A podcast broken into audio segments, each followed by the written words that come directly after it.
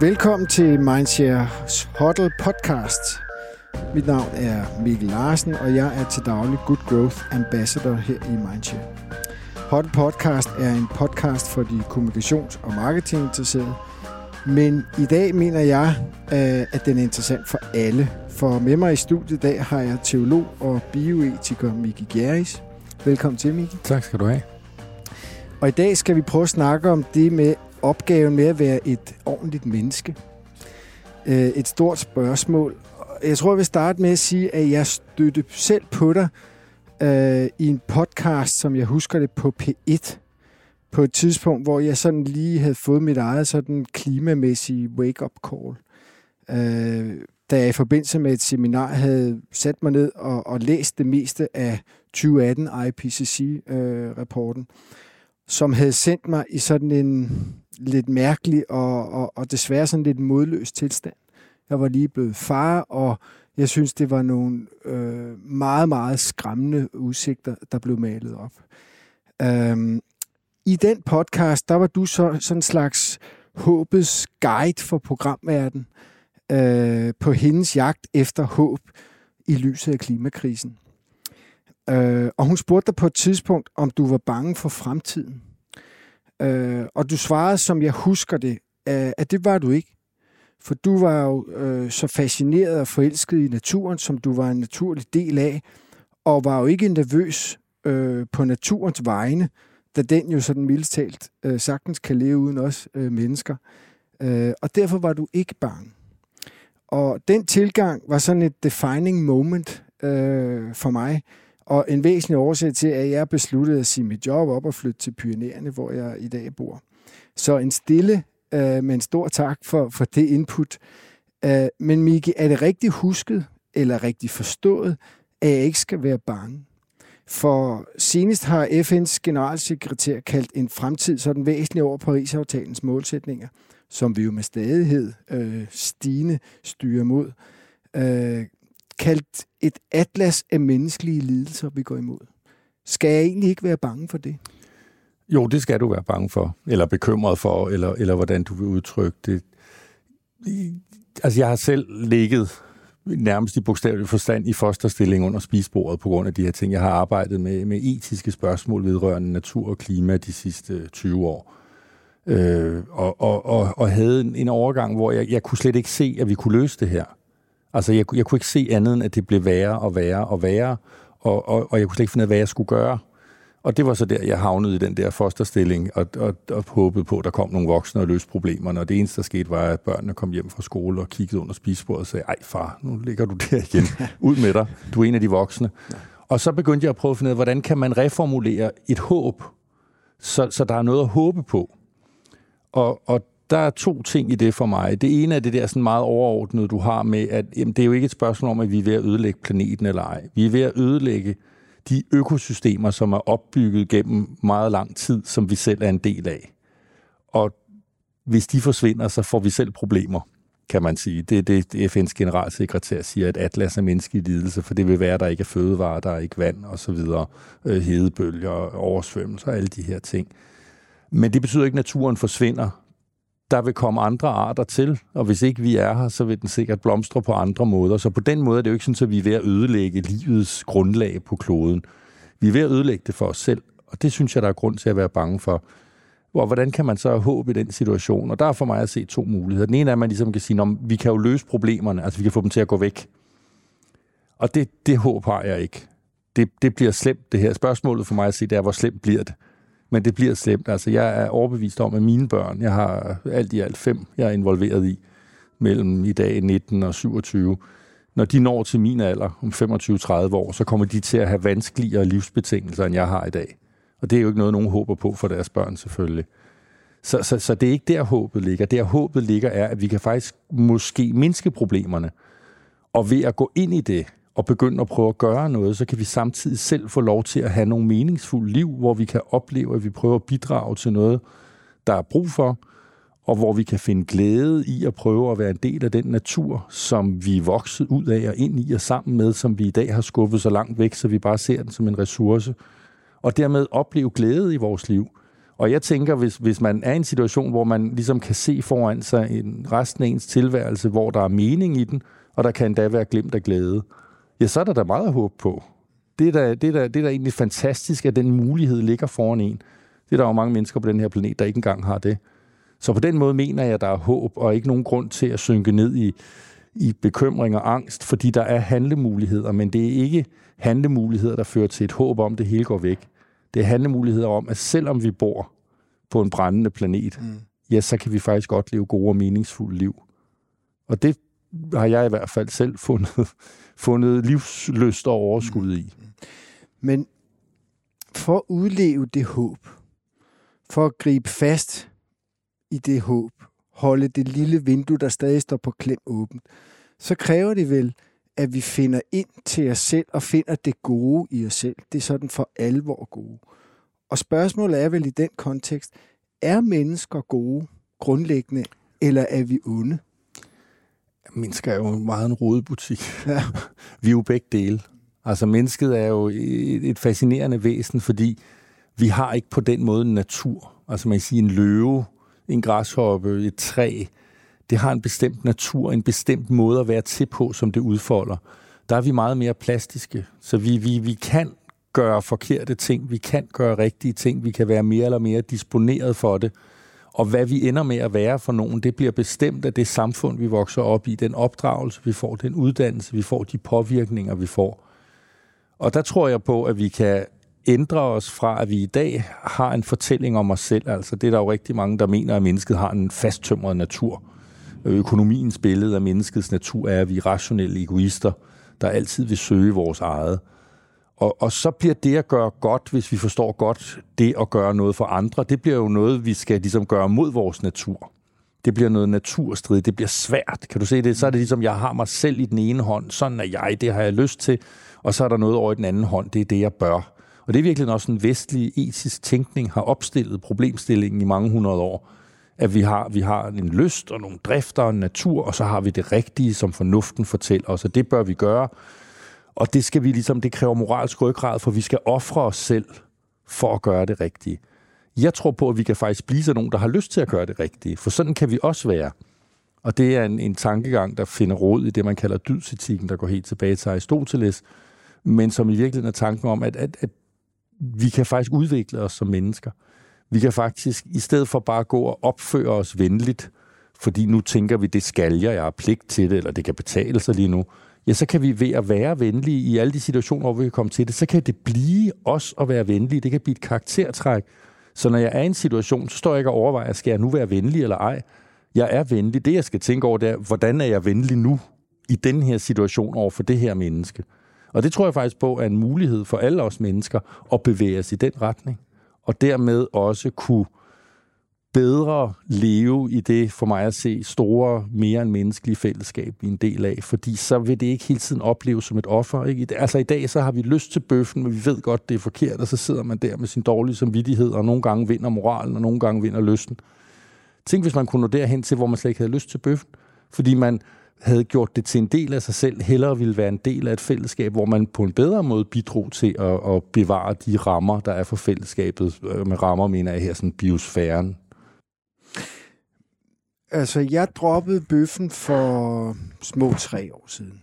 Jeg lavede clean cut med min kæreste og min familie og blev plantebaseret. Øhm, nogle gange i sociale sammenhæng, ved min blotte tilstedeværelse er der nogen, der bliver provokeret af, at jeg er der øh, som plantebaseret menneske. Kan du forklare mig, hvorfor de bliver provokeret? Øh, ja, altså, jeg skulle du prøve at være etiker. Altså, jeg, jeg, jeg, jeg kan simpelthen give folk dårlig samvittighed bare ved at komme ind i et rum. Det, det er sådan. Jamen, det, jeg tror, der skal, altså dels kan man jo være uenig om det er den rigtige ting at gøre. Ikke? Altså, der er jo forskellige syn på, hvad, hvad er det, vi skal gøre rent konkret, og der er nogen, der vil mene nej, for der er måder at producere kød på, som faktisk understøtter biodiversitet, og, og jagt er også godt. Altså, der, så der kan være forskellige holdninger til, hvad vi skal gøre. Så kan man blive irriteret, hvis der ligesom kommer en og siger, nej, nej, du skal kun spise planter, og nu skal du høre på mig, jeg har set lyset.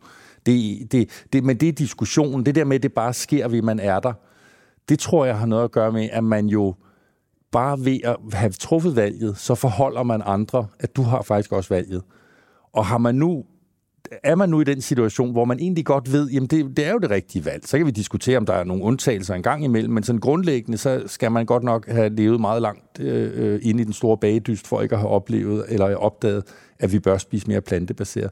Men hvis vi nu ikke har lyst til det, så er det jo den der, jeg bør, jeg har lyst, og så kommer du der og udstiller den konflikt, der er inde i mig. Og det er helt vildt irriterende. Jeg tror, det er derfor, altså der er næsten ikke noget, der er så forhat som veganere i dag.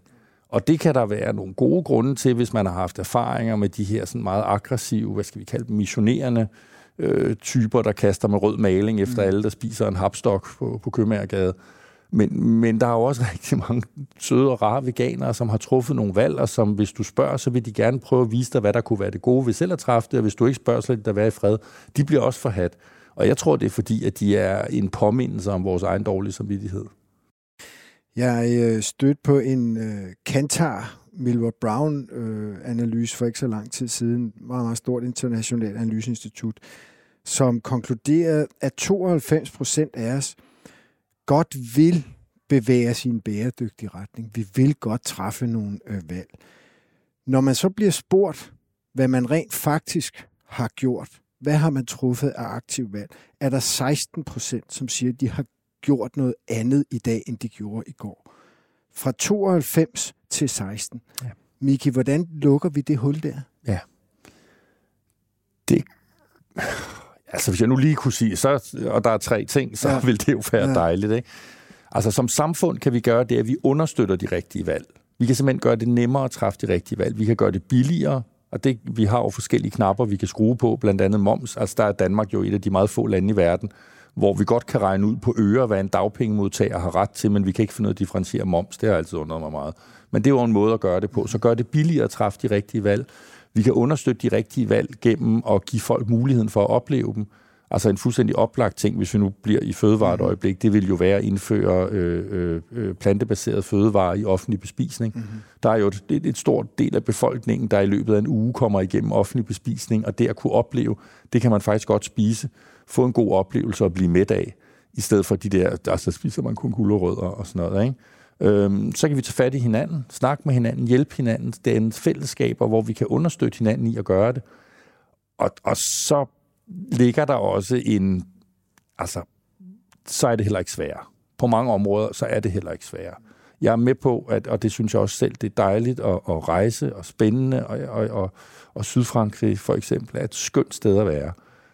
Og det kan godt umiddelbart føles som et offer kun at tage til Gilleleje.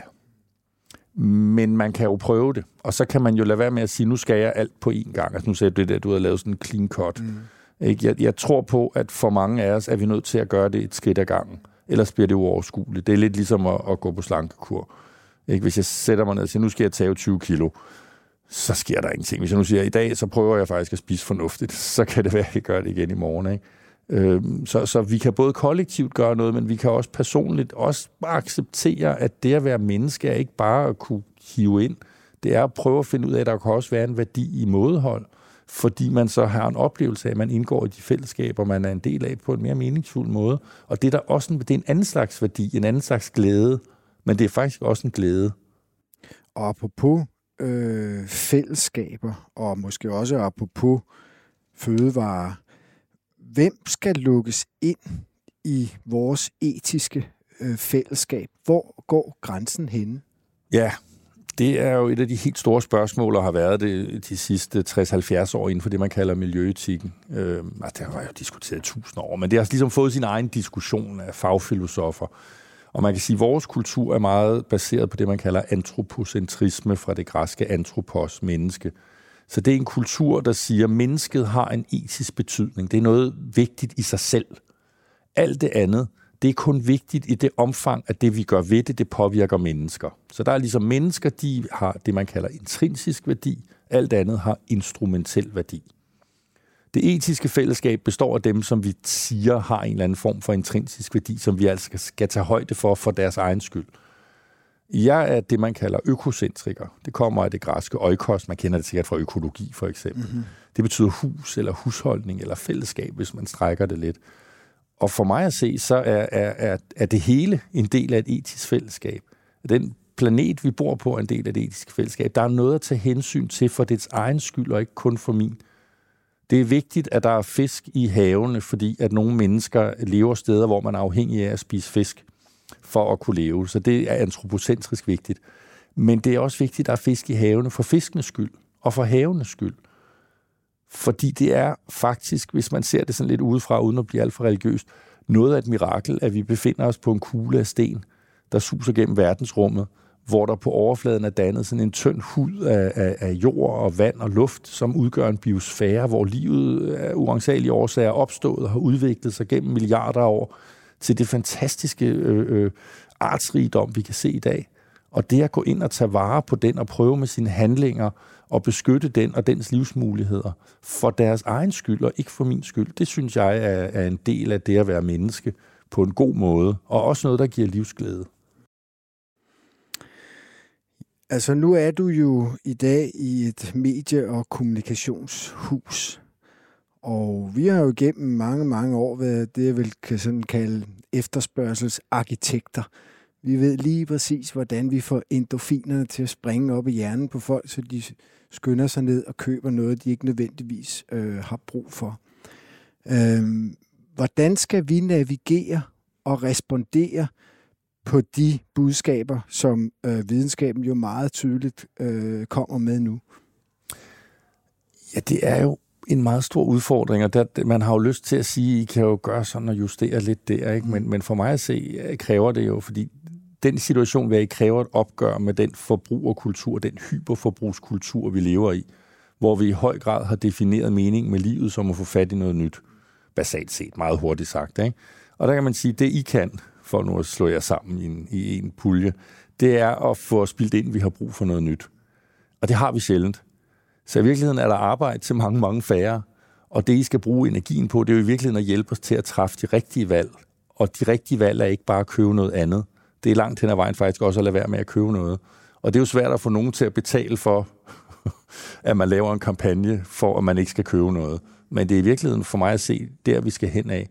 Og det er jo igen noget, man må tage det skridt for skridt, og, og det, man kan jo forestille sig, at Bureau siger, at vi afsætter simpelthen 5% af vores tid på at, at prøve at hjælpe til at lave den grønne omstilling, der skal til. Men de 95% af tiden, hvad bruger vi dem på? Ikke? Det, det, er det der, hvor vi så går ud og fortæller folk, at de har faktisk brug for at købe en pakke pølser mere, eller de har, der er en ny t-shirt her, og du kan da ikke leve uden, for det er jo sidste år, du går med, at du skal have den i år. Altså, det, det er jo den slags, vi bliver nødt til at bevæge os ud af. Det er samfund, hvor vi har den tro. Og der skal reklamebranchen for mig at se til at redefinere sig selv fuldstændig. Og det er med med noget en opgave. Og det kan jeg jo ikke sige. Altså, jeg er svært nok ved at finde hvordan jeg skal redefinere mig selv, kan man sige. Ikke? Men, men der ligger en kæmpe opgave, fordi man kan sige, problemet er dels, der er nogen, der vil sælge noget, ingen har brug for, og det andet problem er, at der er nogen, der køber det. Og I mellemmanden, og I er sindssygt gode til det, I laver. Og kunne man dreje al den kreativitet og alle de kræfter i en anden retning, så ville det jo være fantastisk. Problemet er bare, at der er nok ikke lige så mange penge i det. Nej, altså mm, Ban Ki-moon sagde for nogle år siden nede på den største sådan reklame awards show, der findes i Cannes årligt, at I er jo om nogen storytellers, og I er dygtige storytellers. Og om vi ikke nok kunne hjælpe ham med at fortælle den vigtigste story i menneskets historie. Ja. Og det synes jeg var utrolig rammende, fordi ja. vi har jo nogle evner. Vi ved jo, hvad det er, der mobiliserer øh, energier, adfærd og efterspørgsel. Men vi skal vel dreje de kompetencer i en retning, så den efterspørgsel, som vi iværksætter ved hjælp af vores kommunikation, det er den rigtige efterspørgsel. Ja. Det er den etiske efterspørgsel. Ja, men, men man kan sige, at, at altså, mennesker vil gerne have gode liv. Ja. Det er jo sådan set meget fornuftigt. Øh, det, kan jeg, det vil jeg også. Og, og, og vores visioner om det gode liv, det er jo nogle historier, vi har fået, hvor vi, hvor vi bliver påvirket til at tænke, det, det er sådan, jeg gerne vil leve. Det er det gode liv. Og det, og det, det er jo sådan noget, kunsten giver os. Litteraturen, øh, ballet, øh, skulpturer, fortællinger om det gode liv. Og det reklamer os. Ikke? Og, og, og vi følger dem, vi lader os inspirere af dem. Så, så det er jo derfor, I har en... Altså, jeg kan jo godt sidde her og snakke etik, og, og jeg kan både snakke om skyld, og jeg kan snakke om pligt, og jeg kan også snakke om Aristoteles og win-win-situation. Det er jo noget, der inspirerer nogen. Det, der inspirerer nogen, det er fortællinger. Og det er dem, I kan. og der, der tænker jeg jo, I har jo en fantastisk mulighed for at lave de her fortællinger. Problemet er jo bare, at, at I, I er jo dybt sammenvævet med et erhvervsliv, der langt hen ad vejen tjener deres penge ved at sælge os ting, vi ikke har brug for. Ja. Så, så hvordan skal man ligesom opretholde sin, hvad skal vi sige, sit arbejde? Der, der skal jo, nogen skal betale husleje, tænker jeg, for det her sted, vi sidder, ikke? Og fortælle de historier. Og, og så kan man selvfølgelig sige, jo, så kan vi sådan altruistisk øh, ofre noget overskud og bruge noget tid, allokere nogle ressourcer til at fortælle de historier og hjælpe FN med det. Men hvis man de 95 procent af tiden fortæller nogle andre historier, så modarbejder man jo sig selv. Ikke? Altså det, det er lidt ligesom, når vi afsætter 50 millioner kroner på finansloven til, nu skal vi lære børn at spise sundt, og samtidig har McDonald's 2 milliarder kroner om året til at pumpe ind i reklamer i børnefjernsyn, for at de skal gå på McDonald's. Jeg ved godt, hvem der vinder. Altså, ikke? Så, så det er en kæmpe udfordring, og der må man bare sige, at der står øh, reklamebranchen, marketingsbranchen for mig at se i fuldstændig samme situation som landbruget. I står foran en fuldstændig gennemgribende omstilling, og i har meget svært ved at få øje på aftagerne. Ja. Og det, øh, det bliver spændende at se. Vi kan se, hvor træt det er gået med landbruget, men hvordan der lige så langsomt begynder at ske noget, når det offentlige melder sig, og når forbrugerne melder sig og begynder at presse på, så begynder der at ske små ting, men det, jeg vil jo stadigvæk påstå sammenhold med den store landbrugsproduktion, er vi jo også i småtingsafdelingen. Og jeg ved ikke, om det samme kan ske for jer. Altså heldigvis siger langt de fleste analyser i området jo, at de virksomheder, som drejer skibet, som vender kompasset i en etisk og mere bæredygtig retning, de profiterer også som virksomhed økonomisk på det. Så der er jo heldigvis lighedstegn mellem at gå i en bæredygtig produktionsretning, producere bæredygtige etiske produkter, og så have konkurrencemæssige fordele. Så vi kan godt kigge vores kunder i øjnene, uden at blinke og sige, doing good is good for business. Ja, forhåbentlig. Og win-win-situationer er jo gode, fordi dem kan de fleste af os håndtere. Og, og jo flere vi finder af dem, jo bedre i den nuværende situation. Men, men, men vi kommer ikke udenom, at, at grundlæggende skal vi til at købe mindre. Mm. Og, og det er der, hvor man kan sige, er der nogen, der kan tjene penge på det? Men, men det er der jo. Der er jo, der er jo muligheder. Altså, nu, jeg bor i en andelsboligforening. Jeg tror, der er 400 andelsboliger. Og vi har alle sammen vores egen boremaskine af uansagelige årsager.